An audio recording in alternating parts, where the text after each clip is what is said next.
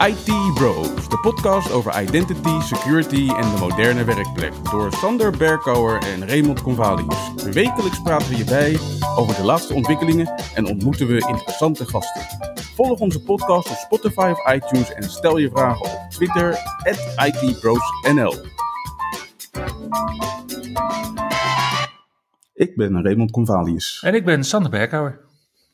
Welkom bij aflevering 11 van de IT Bros podcast. Met deze week het laatste IT Pro nieuws, gedecentraliseerde identiteiten met Matthijs Hoekstra, aankomende evenementen en een nieuwe productiviteitstip.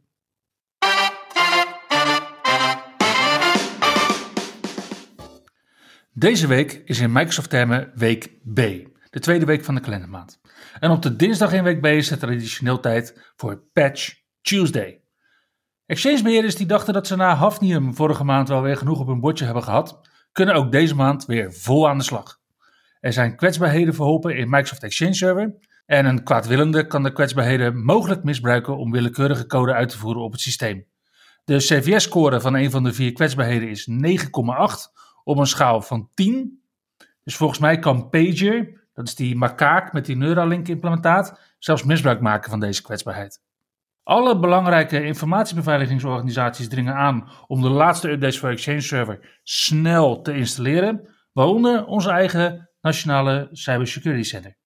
Oké, nou ja, naast eh, de vier Exchange kwetsbaarheden zijn er nog 110 kwetsbaarheden in Microsoft producten, waaronder Windows, Windows Server, Edge, Office, SharePoint Server, Hyper-V, Azure DevOps Server en Azure Sphere. Van één van die kwetsbaarheden in Windows CVE 2021-28310 wordt beweerd dat deze reeds in het wild wordt misbruikt. Dus een echte zero day. En hij wordt misbruikt om de rechten te verhogen richting system wanneer een aanvaller initieel toegang heeft gekregen tot een Windows systeem. Ja, dus vrienden, zorg ervoor dat je beveiliging geen gatenkaas is. Daar hebben ze bij eh, Albert Heijn afgelopen week wel wat ervaring mee opgedaan, volgens mij. Precies. Maar het was een drukke maand de drukste maand in ieder geval uh, dit jaar met, uh, met het oplossen van kwetsbaarheden vanuit Microsoft. Het schiet aardig op, ja. Ik bedoel, ze hebben 114 kwetsbaarheden opgelost. En daarvan waren er 19 kritiek en 88 belangrijk. Een van deze updates is Microsoft belofte om de Edge Legacy, oftewel Edge Spartan, te vervangen door Edge Chromium. Dus mocht de oude versie van Edge nog op je Windows systeem staan, dan wordt deze deze maand automatisch geüpgrade naar de nieuwe Edge Chromium. En die nieuwe Edge, die wil je. Want de nieuwe Edge biedt alle voordelen van Google Chrome, met aanvullende beheermogelijkheden vanuit Microsoft, maar zonder de trackingmogelijkheden die Google aan zijn Chrome browser toevoegt. Overigens is geen van de kwetsbaarheden die tijdens de Pwn-to-Own wedstrijd zijn gevonden en misbruikt tijdens deze patch Tuesday geadresseerd. Dus daar plukken we vanaf volgende maand de vruchten van nog even geduld dus voor uh, de mensen die daarop zitten te wachten. Ja, ze, er wordt wel gezegd dat Microsoft zijn updates niet test. Maar ja, weet je, gebeurt dus wel. En dus moeten we nog even wachten. Inderdaad. Op het gebied van OneDrive was er ook nieuws. Namelijk de 64-bits client, die al lang werd verwacht voor Windows. Die is sinds de afgelopen week in preview beschikbaar. Dus voor het synchroniseren van hele grote bestanden en hele grote aantallen bestanden op ja, hele stevige laptops bijvoorbeeld, met een 64-bits versie van Windows, biedt de 64-bits versie van OneDrive uh, ja, aanzienlijke prestatieverbeteringen. OneDrive op Windows zet zo een grote stap richting de functionaliteit die Microsoft voor macOS al een tijdje brengt. Namelijk voor macOS is er alleen nog maar een 64-bits OneDrive installatie beschikbaar. Maar let even op, want op apparaten met ARM-processoren wordt aangeraden om met de 32-bit versie te blijven werken. Dus de Surface Pro X, wat echt wel een heel vet apparaat is om te zien, dat apparaat is niet een goede kandidaat voor deze spielerij. Ander nieuws vanuit Microsoft is dat Microsoft de afgelopen week uh, Nuance heeft overgenomen. En Nuance is een organisatie die zich bezighoudt met artificial intelligence. Oplossingen die Nuance aan haar klanten biedt bestaan onder andere uit virtuele assistenten, spraakherkenning en omzetting naar tekst voor bijvoorbeeld radiologie. Op deze manier wordt de documentatielast voor klanten van Nuance flink verkleind. Ja, kijk, azijnpissers zullen Microsoft en Nuances niet echt vaak in één zin gebruiken. Maar Microsoft en Nuance waren in 2019 al een partnership aangegaan. Die samenwerking gaat nu een stuk verder. Tenminste, wanneer deze overname wordt afgerond. Nuance wordt dan geïntegreerd in het cloud- en AI-portfolio van Microsoft. De CEO van Nuance komt in dat geval te rapporteren aan onze grote vriend Scott Guthrie. Scott is president of cloud and AI at Microsoft en je kent hem waarschijnlijk van zijn rode polo. Ja, die ken ik inderdaad wel. Trouwens, Nuance was volgens mij ooit een partnership aangegaan met Apple. Daar is inderdaad Siri uit voortgekomen. Dus wacht even. Dus Microsoft koopt nu de toko waar Siri uit voorkwam. En Apple kocht laatst. Ja, die hebben ook een token gekocht. Die hebben een token gekocht in, in Israël, waar ooit Kinect uit is voortgekomen. De En Kinect. later Windows Hello camera. Ja. Ah, mooi is dat hoe dat wereldje werkt. Microsoft biedt 23% meer dan de gangbare prijs voor de aandelen van Nuance, waardoor het omgerekend 16 miljard euro neertelt om alle aandelen over te nemen. De verwachting is dat de deal eind van het jaar rond is. Ja, en dit is dus na LinkedIn, wat Microsoft in 2016, toen omgerekend voor 23 miljard euro kocht, de grootste overname die Microsoft ooit heeft gedaan. Gaan we meer van horen, denk ik zo. Ik weet wel zeker. Vorige week spraken we over DNS, certificaten en typfouten.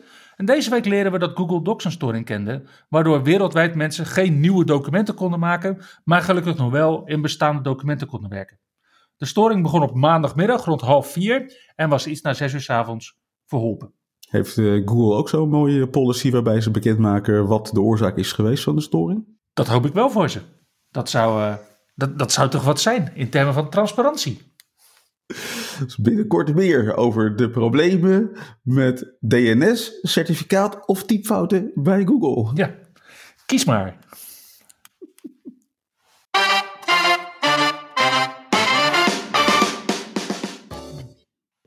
Ja, we spraken er de afgelopen twee IT Bros afleveringen al over.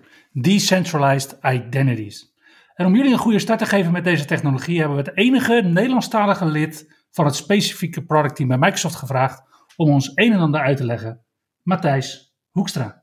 Goedemorgen. Goedemiddag. Hey Matthijs, waar zouden mensen jou van kunnen kennen? Je kent dat programma de, The Voice of Holland? Nou, Mhm. daar niet van. nee, ik, eh, ik heb in Nederland gewerkt bij Microsoft. Eh, ik heb heel veel gedaan met eh, SharePoint en, en andere developer dingen. eh, toen ik bij Microsoft als consultant werkte en als, later als evangelist. Ik heb veel met Windows Phone toen de tijd gedaan. En ik was denk ik be- befaamd rondom mijn Rubber Ducky app. De meest simpele app ooit, maar heel veel mensen vonden hem toch wel leuk. Nee, ik, ja, ik heb, even kijken, hoe lang heb ik daar gewerkt? T- elf, elf jaar Microsoft Nederland, voordat ik eh, hier naar Redmond toe, eh, toe verhuisde in 2013. Maar ik, ja, ik heb veel met MVP's gedaan, dus ik was altijd wel heel actief in de, in de community. Dat was echt superleuk. Het eerste inderdaad met in, de SharePoint community vrij actief. Met het debug en, en, en dat soort dingen. En met de .NET lui, dus we zaten ook regelmatig bij InfoSupport eh in Veenendaal. En, ja, ik was altijd wel, wel betrokken bij, eh, bij MVP's. Dat was wel geweldig, want die wisten het allemaal veel beter dan ik. Dus daar hoefde ik het zelf allemaal niet zo eh, uit te vogelen. Ik kon gewoon vragen. En dat werkte eigenlijk wel prima. En ik leerde er een hoop van. En dat was ook natuurlijk ook een eh, onderdeel van het werk wat we deden. Was van nou ja, goed zorgen dat mensen wisten wat er was. was leuk. Nederland had best wel een hele goede, actieve MVP-community, weet ik nog wel. Dus eh, we hadden toen ook met Windows Phone, en denk ik een van de actiefste, grootste communities. We hadden op een gegeven moment denk ik vier MVP's, alleen maar uit Nederland. Nou, er waren er wereldwijd helemaal niet zo heel veel. Dus eh, ja, dat ging, eh, dat ging wel goed. Nou ja, dat is de reden waarom ik naar Amerika ben verhuisd. Om eh, Windows Phone Developer Marketing te gaan doen voor enterprise developers. Nou, dat was toch wel... eh, ik hou wel van uitdagingen, zeg maar. En toen, na drie maanden later, toen... toen was er een hele grote reorganisatie bij Microsoft. Toen werd Windows Phone en de Windows Divisie werden samengevoegd. En ik kan me nog herinneren, ik zat daar op een, eh, op een visum hè, vanuit Microsoft Nederland naar Amerika verhuisd. En zit je daar in je kantoortje. Ja, je hebt een eigen kantoor. Dat is natuurlijk wel heel vreemd als je vanuit Nederland komt. Maar dan zie je op een gegeven moment echt gewoon mensen met zo'n doos met spul door de gang lopen. En die waren hun baan kwijt. Eh, wat is dit? Ik moet wel echt als de donder zorgen dat ik een green card krijg. Want als ik mijn baan hier kwijtraak, dan eh, moet ik binnen 30 dagen het land uit. Want het, het, het visum was gekoppeld aan de job. En dan heb ik het geluk dat een green card voor mij, dat heeft iets van minder dan een jaar geduurd. Maar ik heb collega's die eh, uit verschillende landen, die zitten echt gewoon 14, 15, soms wel 18 jaar op een green card te wachten. Denk, oh, dat was wel eventjes een eye-opener. Amerika werkt toch wel even iets anders met, met werk. Het is at will. De, nou goed, daar betalen ze je ook wel voor. Maar ja, je kan eigenlijk zonder reden En zonder opgave reden ik ook weg. Hoor. Kun je gewoon zeggen, nou, het is klaar, toch? En Ja. eh, ook, ook als je hier een andere job hebt, ook intern. Ik ben, ba- ik ben wel een paar keer intern van job verhuisd. eh, voordat ik bij eh, het D&D-team terecht kwam. Maar ach ja, nou goed, ik heb een andere job. Oké, twee weken later doe je dat. En je woont dus nu al acht jaar in de VS. Ja, het gaat hard. Zo voelt het nog helemaal niet eigenlijk. Het is, nog, het is niet meer het vakantiegevoel wat ik in het begin heb gehad. Van, eh, we zijn hier tijdelijk op vakantie. Ik, ik woon hier echt wel. Maar ja, acht jaar alweer, ja. Dat is, eh, ja, ap- april, eind april was ik hier in 2013. Kwam ik aan met de dag voor eh Koninginnedag. En eh, ja, goed, je werkt dus nu voor Microsoft Corp aan de technologie en de partnerships rondom gedecentraliseerde identities, identiteiten. Wat trekt jou aan tot deze techniek? Ja, het is, ik, ik werk in Azure Identity organisatie, CXP. Dat is de Customer en Partner Success gedeelte van, eh, het valt onder engineering. Dat is nu net weer gereorganiseerd. We hebben nu, het heet nu Azure Identity en, en Network Access. Eh, dingen als Key Vault en Managed Identities, dat is ook allemaal bij ons eh, gekomen. Dus eigenlijk alles wat onze divisie doet, heeft alles te maken met sign-in. Dus we werken uiteraard samen met de Windows-lui, ook voor Windows Hello voor, eh, voor business. Maar je Microsoft-account voor je Xbox en Skype, alle M365-accounts, eh, Azure Active Directory en alles wat, wat naar Azure toe gaat, dat komt eigenlijk ook allemaal door onze divisie. Nou, fantastisch. Niemand weet dat je bestaat als het werkt. eh, totdat het niet werkt. Dat is natuurlijk altijd een, eh, de uitdaging. En een paar maanden terug, nou, dat is alweer, ik weet niet, ja, acht maanden, zes maanden, ik weet al niet eens meer. Toen vroeg een collega in onze organisatie, ik sta eigenlijk op punt om net iets anders te gaan doen. Die zei van, nou, we hebben een andere job voor je als je interesse hebt. We hebben hulp nodig vanuit CXP, dus het team waar ik in zit, om het engineering team te helpen rondom decentralized identities. Ze zijn deze te- technologie aan het ontwerpen en zijn ze aan het, aan het ontwerpen en ontmaken. Dat is al een tijdje bezig. Ze hebben hulp nodig met de interactie met partners en, eh, en klanten, pilots en dat soort dingen. Nieuwe technologie, geen idee hoe het allemaal werkt, maar eh, kun je helpen? Dan ik, ach ja, ik vind security leuk. Ik heb het verhaal eens aangehoord. Oh, dit is eigenlijk wel interessant. Dit is compleet anders dan we gewend zijn. En we kunnen zo meteen eens even praten waarom, waarom het zo anders is. Dan denk ik, ah ja, ik vind de uitdaging wel leuk. Dus ja, ik denk, ja, ga ik doen. Dus we zijn toen begonnen. We, stonden, we zaten op dat moment nog in, eh, in private preview. Nou, daar kom je er wel achter dat deze technologie toch wel heel interessant is. Het is compleet anders dan we gewend zijn. En ik zie dat echt wel potentieel de foundation van het nieuwe internet kunnen zijn, zeg maar. Dus ik denk, ah, er is wel potentie. Dus ja, dus ik, ik vind het leuk om nieuwe dingen te leren en de technologie eh, in te duiken. En eh, een beetje te scramblen om proberen een beetje on par met het eh, team te komen, zodat je begrijpt waar ze het over hebben en je de juiste vragen kan stellen. Als ik op, mijn, op, het niveau zit dat ik net genoeg weet om de juiste vragen te stellen en af en toe net onnozel bent om de moeilijke vragen te stellen, dan, eh, dan, dan komt het wel goed. Dit was het moeilijkste dat ik ooit heb opgepakt. Als ik jou zo hoor, dan wordt decentralized identity the next. Het, het, het zou zomaar kunnen. Passwordless is natuurlijk een hele grote trend. Hè. We hebben Azure Active Mhm. Directory, MFA's. eh, passwordless is eigenlijk de huidige, de huidige wave waar we mee bezig zijn. En eh, ik, ik, ik gok dat jullie daar ook heel druk mee zijn om jullie klanten zover te krijgen. Nou, er gaat ook een moment komen dat je letterlijk in de directie kan zeggen password uit. We hebben gewoon geen passwords meer. Dat, zijn echt, Mhm. dat, dat is echt iets wat, nou, dat zou zomaar dit jaar kunnen. Ik weet niet hoe ver we zijn. Voor mij zijn we heel aardig eh, in de buurt. Ik denk dat dit wel eens de, de volgende wave zou kunnen zijn, ja. We hebben met ADFS en met Azure AD zitten we nu, eh, zijn we aan het knutselen met gefedereerde identities. En decentralized identities zijn inderdaad echt compleet anders. Ik zei altijd van, ah, ik, als ik zo'n presentatie geef over het onderwerp, heb ik een paar van die vragen van. Stel je nou eens voor, en de reden waarom ik dat doe is, dan hoop ik dat zeg maar, aan het einde van het verhaal jullie denken, oh ja, dat zou ik dus op deze manier kunnen oplossen. Ehm, we hebben dit bij eh, NHS in de UK aan, aan de hand gehad. Dat is een, een samenwerkingsverband van zo'n 12.000 bedrijven. Die allemaal hun eigen IT-systeem hebben. En sommige zijn redelijk gelijk, maar het zijn wel hun eigen systemen. Hoe ga jij nu regelen dat al die bedrijven al die medewerkers met elkaar kunnen samenwerken. Maar technisch niet onmogelijk, maar wel lastig om te doen. Of een ander scenario is van, ik wil pas dat jij toegang krijgt tot het systeem als ik weet dat jij compliancy training hebt gedaan. Bij Microsoft hebben we bepaalde privacy en compliancy trainingen en dat zijn dingen die je moet, eh, elk jaar moet hebben gedaan. En als je dat hebt gedaan, dan mag je bijvoorbeeld toegang tot bepaalde logfiles via se- secure systemen. Nou ja, op zich kan ik zo'n systeem wel maken die dan een API aanroept van zo'n trainingssysteem. Kijkt van, nou, heeft Raymond eh, eh, of Sander hebben die wel die training gedaan? En dan geef ik ze toegang. Want als ik nou twee of drie van die systemen heb waar dat in staat. En dan heb ik zeg maar twintig eh, line of business apps. Hoe gaan die dat allemaal doen? Dat is ingewikkeld. Het zijn van die ja, cross-boundary zeg maar, scenario's die op dit moment toch lastig zijn. We hebben hartstikke mooie tools en we kunnen federeren. En we hebben, we hebben Azure Active Directory B2C, we hebben ADFS, we hebben AED en we kunnen er allemaal hele mooie dingen mee doen. Maar het schaalt maar tot een bepaalde hoeveelheid. Als je nou een stap terug uh, gaat naar van wat zijn nou decentralized identities? Eén, uh, hebben jullie ooit met PGP gewerkt? Pretty Ja. good privacy, dat je, dat je mailtjes kon ondertekenen. En, en nou, wat was nou het grootste probleem? Hoe zorgde die nou voor dat mensen jouw public key hadden? Ja. Dat was altijd zo van, hè, eh, ja, gedoe. Dus het was altijd zo'n, eh, echt zo'n zo'n zo'n nerd-tooltje waar dan een paar mensen gebruik van maakten. Je had altijd van die fanatiekelingen die deden het alleen maar. En, en je zorgde er maar voor dat je dat allemaal had. Anders kon je met hun niet mailen.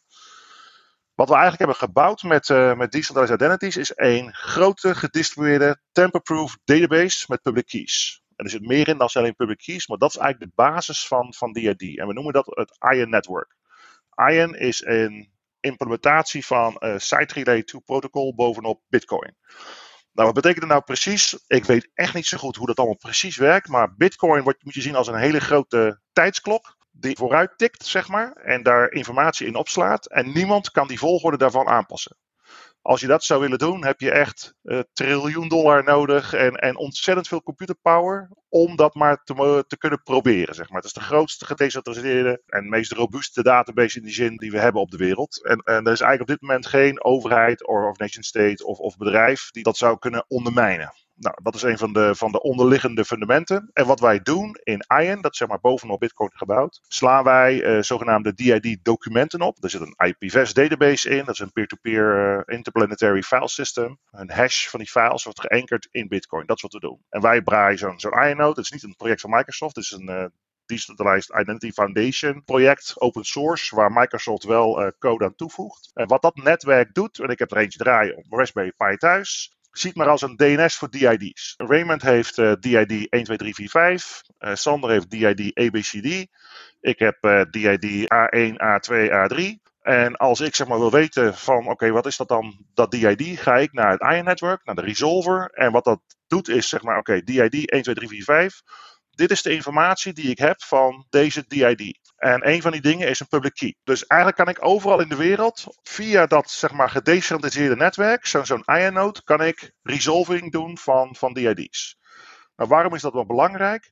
Als jij overal ter wereld en altijd mijn DID kan resolven naar bijvoorbeeld een public key, betekent dat als ik een bericht sign met mijn private key, dus ik ben de houder van de DID en daar hoort een private key bij. Dat is een belangrijke stap. Waar die private key staat, moet je zelf weten. Bij ons staat het in Key Vault. Maar goed, als je het op een file wil zetten of op een, een HCM-chip, dat kan allemaal. En elke keer als ik een actie doe, dan sign ik het bericht met mijn private key, die bij die DID hoort. En die kan ik naar iedereen toesturen. En jij kan overal ter wereld valideren of dat echt van Matthijs vandaan komt. Want mijn DID wijst dus naar die public key. En niemand in de wereld kan dat aanpassen. Behalve de persoon die de private key heeft. Dat is eigenlijk heel high level wat we hebben gebouwd samen met, met de DF. Dus we hebben een gedecentraliseerd public key infrastructuur. Nou, dat hebben we nog nooit gehad. Dus dat is zeg maar de eerste stap. En wat wij daar bovenop hebben gebouwd is een service voor verifiable credentials. Dus DID is zeg maar de foundation. Het is, de, het is zeg maar de nieuwe identity voor iedereen. En je kan meerdere DIDs hebben. Er zijn heel veel details omheen. Van, en, en, elk apparaat zou een DID kunnen hebben. IoT kan het hebben. Services kunnen het hebben. Jij kan er meerdere hebben. Je kan ze zelf maken. We kunnen ze genereren. Dat is de basis deze. Stap 1. Bovenop DID's hebben wij een Verifiable Credential service gebouwd. Verifiable Credentials. Ja, het zijn eigenlijk gewoon JWTs, hè, JSON Web Tokens. Volgens een W3C standaard. En in zo'n Verifiable Credential staat informatie uh, over jou. Dus um, een Verifiable Credential kan zijn een digitale versie van een diploma. Dus als jij uh, je, hebt afgestudeerd, krijg jij een digitale versie van je VT-diploma en het cijfer wat erbij hoort en het jaar waarin je bent afgestudeerd. Het kan zijn een bewijs dat je ergens hebt gewerkt, een rijbewijs, een paspoort. Het vertelt iets over jou als persoon. En dat wordt bewezen of attested door een issuer. Zo'n issuer, stel, zeg maar de, de RDW in Nederland, stel dat die rijbewijs digitaal zou uitdelen. Die hebben ook een DID met een eigen private key. En die delen rijbewijzen uit. Nou, hoe dat proces werkt voordat ze dat aan jou geven, nou, dat hangt ervan af. Maar stel, er is een bepaald, uh, bepaald proces. Zeg ja, wij denken dat is Matthijs. Alsjeblieft, Matthijs, wij geven uit een verifiable credential. Dat wordt door ons uitgegeven, wordt door ons gesigned met onze private key. Het subject van deze verifiable credential is Matthijs, DID 12345. En dat wordt in mijn wallet gestopt. Dus Microsoft heeft een wallet gebouwd. Dat is bij ons Microsoft Authenticator, wel bekend voor MFA en passwordless authentication. Daar zit nu ook een verifiable credential wallet functionaliteit in. Dus dat rijbewijs wordt in mijn wallet opgeslagen. En mijn diploma en, en alle informatie die ik interessant vind, neem ik bij mee. Al, al die persoonlijke informatie staat bij mij in die wallet. En is aan mij uitgedeeld voor mijn DID. Dus de volgende keer als ik dat moet gebruiken, stel ik moet op een website aantonen dat ik Matthijs ben met behulp van mijn rijbewijs. Dan zegt die website, ik wil graag een rijbewijs zien. Kun je dat aantonen? Nou, mijn wallet zegt, ja, ik heb er een. Alsjeblieft, dus we maken een digitale presentatie ervan. Die wordt gesigned door mij. En is ook gesigned door de RDW. En wat zo'n website hoeft te doen, het enige wat hij hoeft te doen is weer naar die DNS voor DID's gaan, dat IO network. Van oké, ik heb hier twee signatures van twee DID's. Wat zijn de public keys daarvan? Oh, nou, die haalt hij op. Twee public keys, die kan hij altijd ophalen. En het netwerk is, zeg maar, je kan het zo beschikbaar maken als je wilt. Zeg maar oneindig negen. Stel daar maar. Je hoeft nooit naar een centraal punt. Je hoeft nooit naar een Azure Active Directory of een B2C of een andere IDP toe. Het enige wat ik moet doen is zorgen dat ik zo'n Ion node kan benaderen. Nou, daar kun je zelf verschillende van draaien of je gaat het internet op. Dus die, die mhm. zijn er altijd. Dus het is echt maar onmogelijk dat dat netwerk plat gaat. En kan ik die twee signatures kan ik dus valideren. Dus ik weet 100% zeker dat niemand aan die bericht heeft gezeten. Het komt van de RDW. Het is bedoeld voor Matthijs. En Matthijs heeft het aan mij gegeven. Dat is zeg maar een garantie. Nou, dan kan ik die informatie uit zo'n verifiable credential kan ik gebruiken om een beslissing te maken. Van nou ja, Matthijs Hoekstra, rijbewijsnummer bla. Fantastisch. Dus dat is zeg maar in de basis wat we kunnen doen met die credentials. Eigenlijk het enige wat die dienst nodig heeft is inderdaad de, noem het claim, eh, zoals we dat kennen natuurlijk uit, uh, uit Federated Identities, de claim dat jij een rijbewijs hebt.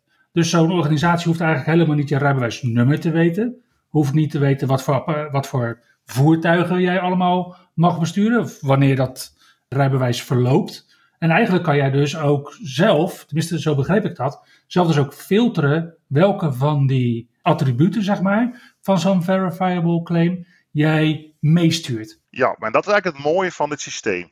En allemaal gebaseerd op standaarden, zeg maar. Dus ik heb zo'n verifiable credential heb ik gekregen. En er zit een, inderdaad wat je zei, er zitten claims in. First name, last name, date of birth, je gemiddelde cijfer voor je diploma. Nou, allemaal dat soort, dat soort informatie. Fantastisch. En dat zit alleen in je wallet. Dus alle, alle informatie die bij jou hoort, zit bij jou. Dus niemand anders hoeft dat te hebben, dat zit bij jou in je wallet. Nou, wat je al zei, van ik wil alleen maar bewijzen dat jij een rijbewijs hebt. Nou ja, daar hebben we een zogenaamde standaard voor, dat heet Presentation Exchange. Dat betekent dat de Relying Party website die kan aanvragen, heb jij een rijbewijs? Ja, nee. En dat mensen zeggen, ja, heb ik. En ik kan het aantonen. En het enige wat ik inderdaad presenteer, is dat rijbewijs zonder enige informatie. Of ze van nou, ik wil eigenlijk dat je rijbewijs gebruikt om aan te tonen dat je ouder bent dan 21. Dus ik hoef niet te weten wanneer je bent geboren, maar ik wil eigenlijk weten als je op dit moment ouder bent dan 21. We noemen dat selective disclosure. En wat er dan eigenlijk gebeurt, is een, onderdeel van jouw Verifiable Credential. Van uh, ben je ouder dan 21? Ja, dat wordt aangetoond. Dat is meteen ook technisch ingewikkeld, want uh, we hadden het net over signatures. Nou, wat gebeurt er als jij een bericht verandert? Dan is de signature niet meer correct. Dus hoe kan ik er nou voor zorgen dat als ik van de RDW een rijbewijs heb gehad, en dit is maar allemaal, dit is best wel een ingewikkeld project om allemaal goed te doen. Het mm. gaat over hè, de persoon is in controle, privacy is belangrijk, et cetera, et cetera. Dus er zijn verschillende technologieën om toch die claims te kunnen gebruiken. Of eigenlijk weg te halen uit zo'n bericht zonder dat je signature kan aanpassen. En een van de dingen is Zero Knowledge Proof, is een, technologie. Nou, daar zijn Microsoft Research personen ingewikkeld dingen aan doen die ik niet snap. Prima, dat wordt dan wel geïmplementeerd, het werkt. Of wat je kan doen, is je kan teruggaan naar de issuer en zegt, nou ja, ik heb dit credential, ik heb eigenlijk een andere nodig, zonder deze attributen, maar met alleen dit. Kun je dat voor me doen? Nou, die checkt van, ja, dat komt inderdaad, dat heb ik inderdaad gemaakt voor Matthijs. Klopt nog allemaal, ik verander dat en ik stuur het terug. Maar je kan ook andere scenario's doen. Uh, gebruik Azure Active Directory als voorbeeld. Ik log in. Azure Active Directory stuurt een ID-token naar die applicatie. En die kan dan informatie uit het ID-token lezen check ondertussen nog even centraal bij, die, uh, bij de directory van hey, wat is de public key, zodat ik kan, uh, kan kijken of die tokens inderdaad niet veranderd zijn door iemand en ik lees die informatie eruit. Maar als het op een gegeven moment de token verlopen is, dan kan ik niet meer inloggen. Dat werkt allemaal niet meer. Nou, verifiable credentials kunnen ook verlopen. Maar een verlopen rijbewijs kan ik eigenlijk nog steeds wel gebruiken om te bewijzen dat ik ouder dan 21 ben. Dus het grappige is dat je nu uh, verifiable credentials kunt gebruiken terwijl ze verlopen zijn. Of misschien zelfs uh, revoked. De issuer kan altijd zeggen van nou, ik wil niet meer dat het rijbewijs, dat is niet meer geldig. Dus ik revoke dat. Misschien omdat ik een nieuw rijbewijs heb gekregen, ik noem maar wat. ja, dan kan het nog steeds bruikbaar zijn om zo'n stuk informatie te gebruiken. Dat hangt natuurlijk af van de, de relying party. Degene die, die informatie vraagt, die kan die keuzes maken. Ik vind het oké als ik zo'n credential krijg. Het wordt gevalideerd. Maar ik vind de expiration vind ik niet interessant. Die check zet ik uit. Ik hoef ook geen status check te doen om te kijken of het revoked is. Vind ik niet zo interessant voor mijn scenario. Dus die check duw ik niet. Ik accepteer eigenlijk alle verifiable credentials die verlopen zijn. En revoked ook. Zolang ik maar zeg maar die geboortedatum of het ouder dan 21 dingetje eruit kan halen. Dus hè, ik kom nog steeds de bar in met mijn rijbewijs wat ingetrokken is omdat ik veel te hard heb gereden. Dus dat is eigenlijk het scenario wat je dus ook kan bouwen met verifiable credentials. Dat is ook wel anders dan ID access tokens. Een interessant ding wat we aan het doen zijn, is bovenop dat verifiable credential platform wat we hebben gebouwd, en wat we eigenlijk sinds vorige week in uh, public preview hebben, in Ignite aangekondigd. We zijn daar bovenop nu een dienst aan het bouwen, een identity verification.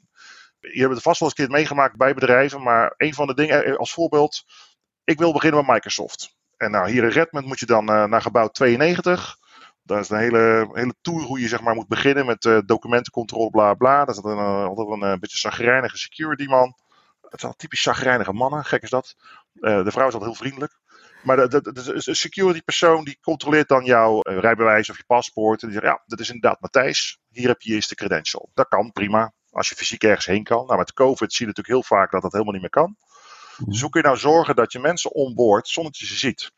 Nou, er zijn ontzettend veel partijen in de wereld die doen ID verification online. En wat we nu aan het bouwen zijn, is bovenop het Verifiable Credential Platform, is ID verification. Wat je dan moet denken is van, uh, partijen, denk aan Onfido, uh, Accurant, Authentics, uh, Secure, LexisNexis. Dat zijn partijen die dat doen. En als een voorbeeld, en ze doen veel meer dan dit hoor, maar ik scan de voorkant en achterkant van mijn rijbewijs of mijn paspoort. Ik maak een selfie, even mijn ogen knipperen om te zorgen dat ze kunnen zien dat je echt wel levend bent. -hmm. Zij doen al die background checks. Ze zeggen, ja, dit is echt met 90% zekerheid Matthijs. Hier is een verifiable credential waar jij mee kan bewijzen dat jij Matthijs bent. En ik kan die verifiable credential gebruiken om bij een bedrijf te beginnen. Dat kunnen medewerkers zijn, maar denk ook bijvoorbeeld aan externe medewerkers en uh, employees. Heel veel bedrijven doen dit soort verifications online. En Know Your Customer is in de bankenwereld natuurlijk een, een belangrijke. Nou, en al die bedrijven die dat nu doen, die gebruiken een SDK van deze partijen. Soms meerdere, helemaal als je wereldwijd een coverage moet hebben. Denk aan dat een groot bedrijf mensen remote wil laten toestromen. Helemaal als je frontline workers hebt. Ongelooflijk veel, veel, veel, veel verloop. Ja, en elke, elk deel van de wereld heeft weer andere specialiteiten. Of voor die ID, ID verification partners hebben andere specialiteiten. De ene heeft een koppeling met een overheidsdatabase, vooral alleen maar voor dat land. Nou, al die SDK's moet je dan implementeren van die, van die partijen. Dus we zeggen, nou, als we dat nou kunnen standaardiseren op verifiable credentials. Dus ik al zei, je krijgt zo'n verifiable credential en die kun je dus aantonen. Nou, onboarding is één uh, scenario. Een andere scenario is uh, account recovery. Een van de duurdere helpdesk calls is toch wel mensen, mijn policy doet het niet meer. Dat kost best wel een wat geld en tijd. Wat nou als je dat kan doen? Nou weet je wat, als je dus echt geen pas en dat soort dingen meer hebt, bewijs eerst maar wie je bent. En als we dat bewijs hebben, dan gaan we jouw account weer recoveren. Dus daar wordt ID verification ook voor gebruikt. En een tweede is inderdaad van, stel je moet een 10 miljoen expense report approven. Nou, het is leuk. Ik geloof best dat, dat het account van Raymond, wat net gebruikt is, echt is. Ik weet niet heel erg zeker of het Raymond is die dat heeft ingevoerd. Dus kunnen we misschien een step-up doen en dan bewijzen dat het inderdaad echt Raymond is. En op dat moment een ID verification doen en een liveness check doen. Van nou ja, het is inderdaad Raymond en hij leeft. um, en nou vinden wij die step-up oké. Okay. Nou, dit zijn de scenario's die we nu aan het testen zijn. Maar je kunt je voorstellen dat soort integraties ook gebeuren met, met het directory systeem rechtstreeks. In plaats van dat het een add-on is die we losbouwen. er zijn genoeg API's en ik vind het leuk om dingen te knutselen. Maar het zou natuurlijk mooi zijn als je gewoon letterlijk met een checkbox zo'n dienst kan aanzetten, kan configureren. Dan zeggen, nou, ik wil voor account recovery in Nederland, wil ik met deze partner ID verification doen. Daar wil ik graag voor betalen. Ja, dat is het volgende dingetje. Maar goed, ja, is heel veel, heel veel mogelijkheden als je eenmaal zo'n platform hebt het belangrijkste om te realiseren is als je, als je met dit soort dingen bezig gaat, dit is, maar, dit is geen Microsoft technologie. IAN is open source. Wij helpen mee en we schrijven de code voor, maar het is een DIF-project. Verifiable Credentials is een open standaard van de W3C. De SDK's die wij schrijven voor de wallet en de SDK's die wij gebruiken om te issuen en om te, te valideren, zijn open source libraries. En we werken samen met andere partijen ook op het gebied van Interop. AIN is niet het enige netwerk, er zijn ook andere netwerken. En een van de stappen die we nog moeten doen hoor, is dan, oké, er zijn andere partijen die ook decentralized identities gebruiken en ook verifiable credentials. zijn die uitwisselbaar. Maar ja, goed, technisch zou dat inderdaad zo moeten zijn, want het zijn allemaal standaarden. Maar je weet gewoon als je met standaarden bezig bent, er zit altijd wel wat nuances in, in de interpretatie van, uh, van, uh, van de standaard. Dus je moet dat wel wat checken van, hé hey, wacht even, klopt het allemaal wel? De encryptie-algoritmes zijn inderdaad allemaal hetzelfde. Uh, hebben de comma's op de juiste plek staan en kunnen we die, die bits uitwisselen? Dat is een van de dingen die we ook doen. Dit kan ook niet succesvol zijn als het alleen maar een Microsoft kunstje is. Ja, en als ik je dan zo hoor, dan, dan staan we echt helemaal aan het begin van een nieuwe wave van services en technologieën, waarbij bedrijven ook gewoon op andere manieren gaan nadenken over identities en identificatie. Ja, en, en, en, en, denk alleen maar aan IoT, waar, de, waar apparaten aan elkaar moeten authenticeren. En dat kan technisch nu ook wel. Je kunt certificaten maken, maar je hebt altijd een central authority. En als je weet hoe central authorities werken, helemaal als je boven de boom gaat, dan zijn er geloof ik uh, acht personen met zo'n zo'n koffertje aan een, uh, met, een, met een handboei aan een, aan een pols, die eens in de zoveel tijd bij elkaar moeten komen. Maar het is ook mogelijk dat ergens iemand in de wereld op dit moment besluit van, nou, we vinden het niet meer goed dat jij erin mag. En dat is ook wel het nadeel van centrale identity systemen. Met Digital Identity systemen heb ik mijn ID en die kan ik aanmaken, ik kan ze gebruiken. En ik, en ik vind dat ik Flappy Bird 321 ben hier en, uh, en iets anders daar. En niemand die kan mij eruit gooien. Dus denk nou van uh, even een stap terug uit buiten de enterprise wereld. Als Decentralized Identity is gewoon uitgerold. Ik heb mijn wallets, diverse wallets. Dat is ook gewoon een standaard ding wat je kan maken. En ja, Twitter en Facebook met een centrale directory is eigenlijk niet meer nodig. Uh, een van de dingen die we gaan bouwen zijn zogenaamde identity hubs. Dat is de volgende stap. Denk dat er maar een soort van personal store. En die kan je zelf draaien, die kan je hosten bij iemand anders. Daar wordt informatie over jou in opgeslagen. Uh, een wallet met Verifiable Credentials is fantastisch. Die, ik, moet, ik, moet er, ik moet er zijn om iets te kunnen presenteren. Maar denk, ik heb een transcript van uh, al mijn opleidingen. Dat stop ik in mijn Identity Hub of mijn Data Store, of hoe je het maar wilt noemen. Die naam verandert nog wel eens. In de, in de standaard wereld zijn ze ermee bezig. En ik geef het bedrijf van Sander en het bedrijf van Raymond geef ik toegang tijdens mijn sollicitatieprocedure, dat ze daar die informatie op kunnen halen. Nou, het systeem kan die koppeling maken. Of denk aan medische gegevens. Ik weet dat in Nederland wat beter is geregeld, maar hier, ik blijf gewoon formulieren invullen, want die systemen mogen niet aan elkaar gekoppeld zijn. Nou, als ik nou een centrale plek mijn informatie heb en ik kan een andere dit van een organisatie of van een dokter autoriseren om tijdelijk bij die en die informatie te komen, ja, dan heb je in een heel ander systeem. En we hadden het over dat DID-document. Daar kun je uh, een, een, DID resolven naar een public key. Maar in zo'n dit-document staan ook service endpoints. Dus we, hebben dingen, we noemen ze dingen als DNS-binding. Kan ik controleren, own ik een domein. Maar er kan ook pointers staan naar identity hubs. Dus stel je voor van, ik weet van Sander, jouw DID is ABCD. Ik kan gewoon opvragen aan zo'n netwerk. Wat informatie is beschikbaar over jou voor mij? Nou, je kan op zo'n manier een hele gedistribueerde Twitter maken. En er is niemand in de wereld die dat kan uitzetten. En dat is wel uniek. Dus het hele centraal geregelde, letterlijk het verwijderen van toegang of accounts, is op die manier niet mogelijk. Maar als je met, met collega's hier praat of met de, de, echte libertarians, nou, die worden daar heel erg warm van. Want dat betekent dat je geen centrale organisatie en overheid meer hebt die alles kan controleren. Maar als je erover nadenkt, dat heeft wel potentie om dat soort robuuste systemen te maken. En dan hebben wij, wij leven dan in vrij vrij normale landen waar, waar eh, vrijheid van meningsuiting en dat soort dingen toch best wel een groot goed is. Maar ja, er zijn natuurlijk zat plekken op de wereld waar toch wel mensen de mond wordt gesnoerd. Ja, zo is volgens mij het DIF ook inderdaad begonnen om vluchtelingen inderdaad een, een wallet te geven waarin ze dat soort informatie altijd bij zich kunnen hebben inderdaad. En dan nu de hamvraag. Hoe kunnen Nederlandse organisaties, als ze dat zouden willen, vandaag al aan de slag met decentralized identities? Ja, dat kan. Ik weet niet of jullie een link hebben in de, in de, in de beschrijving onderin. Maar we hebben, een, uh, we hebben de documentatie is uh, up-to-date. Dus iedereen kan zeg maar nu beginnen met Verifiable Credentials. En voor als ik, ik aks slash dit voor devs, dat is de link die ik altijd gebruik. Je kan je eigen issuance service opzetten. Je kan de samples downloaden. Je kan de documentatie lezen. Er zijn links naar whitepapers. Ik adviseer mensen ook om eens te kijken naar het ION gebeuren. Dat is een GitHub repo met uh, dat is een goede FAQ van waarom hebben we Bitcoin gebruikt, et cetera, et cetera. Er zijn toch wel mensen die daar benieuwd naar zijn, want uh, kun je niks anders gebruiken, want er zijn dus wel andere mooie blockchains. Ja, er zijn er echt uh, heel veel. Dus waarom nou, nou juist deze? Ja, en dan kun je aan de slag. Nou, we zullen de link zeker opnemen in onze show notes. Zeker. En ja, goed, we moeten nu even gaan kijken hoe hier een een behapbaar stuk van gaan maken. Want, uh, ja, I know. Het is alweer een half uur. geworden dan we hadden gepland. Maar, ja, maar dat is helemaal goed. Dat is helemaal goed. We hingen aan je lippen, dus uh, het was absoluut een interessant verhaal. Dus, uh. Ja, dankjewel Matthijs. Ja, graag gedaan. Ja, het, het wordt een interessante tijd om te kijken wat hiermee gebeurt. Matthijs, bedankt uh, voor deze uh, ja, zeer interessante introductie in decentralized identities. We hopen je op niet al lange termijn nog een keertje terug te zien.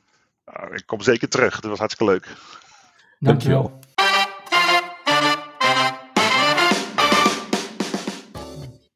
Op 20 april organiseren de Workplace Ninjas een Ask Me Anything sessie met David Geyer van het Windows Servicing Product Team bij Microsoft. Mocht je vragen hebben hoe je de laatste Windows updates kunt uitrollen, of hoe je van Windows 10 1909 installaties afkomt voordat de ondersteuning hiervan volgende maand afloopt, dan is dit je kans. Cool. De Belgische Microsoft Cloud en Client Management Community organiseert deze maand een nieuwe MC2MC avond. Op 22 april vanaf 7 uur s avonds kun je genieten van een compleet Belgische line-up. Peter de Tender legt uit hoe je met DevSecOps veilige applicaties bouwt. Frank van Hamel vertelt over chocolate, wat natuurlijk een perfecte combinatie is met Belgische chocolade. En ze sluiten af met een introductie van Scapman. Deze cloud-oplossing installeert en update applicaties op je systeem. Very interesting. Dus dat is op 22 april. Op 5 en 6 mei organiseert Microsoft een tweedaags digitaal evenement over techniek en toegankelijkheid. Deze Ability Summit stelt professionals in deze tak van sport in staat om samen te werken aan het toegankelijk maken van IT voor mensen met mentale en fysieke uitdagingen. De registratie is sinds deze week geopend.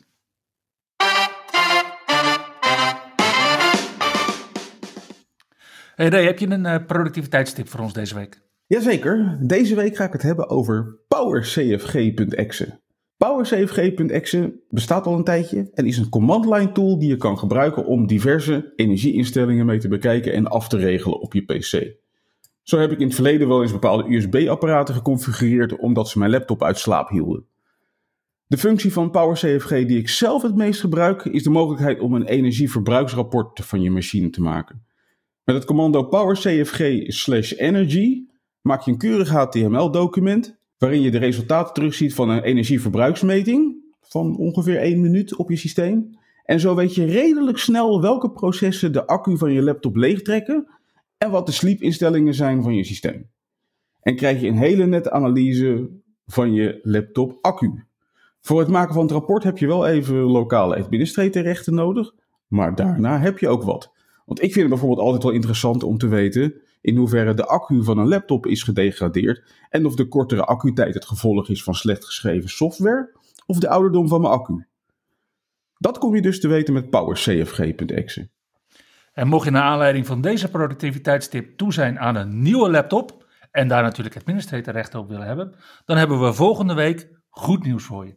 Bedankt voor het luisteren en tot volgende week. Tot volgende week. Je luisterde naar IT Bros, de wekelijkse podcast over identity, security en de moderne werkplek. Abonneer je op Spotify, iTunes of Google Podcast als je de volgende aflevering niet wilt missen. Heb je hints of tips? Laat dan van je horen op Twitter. @itbrosnl.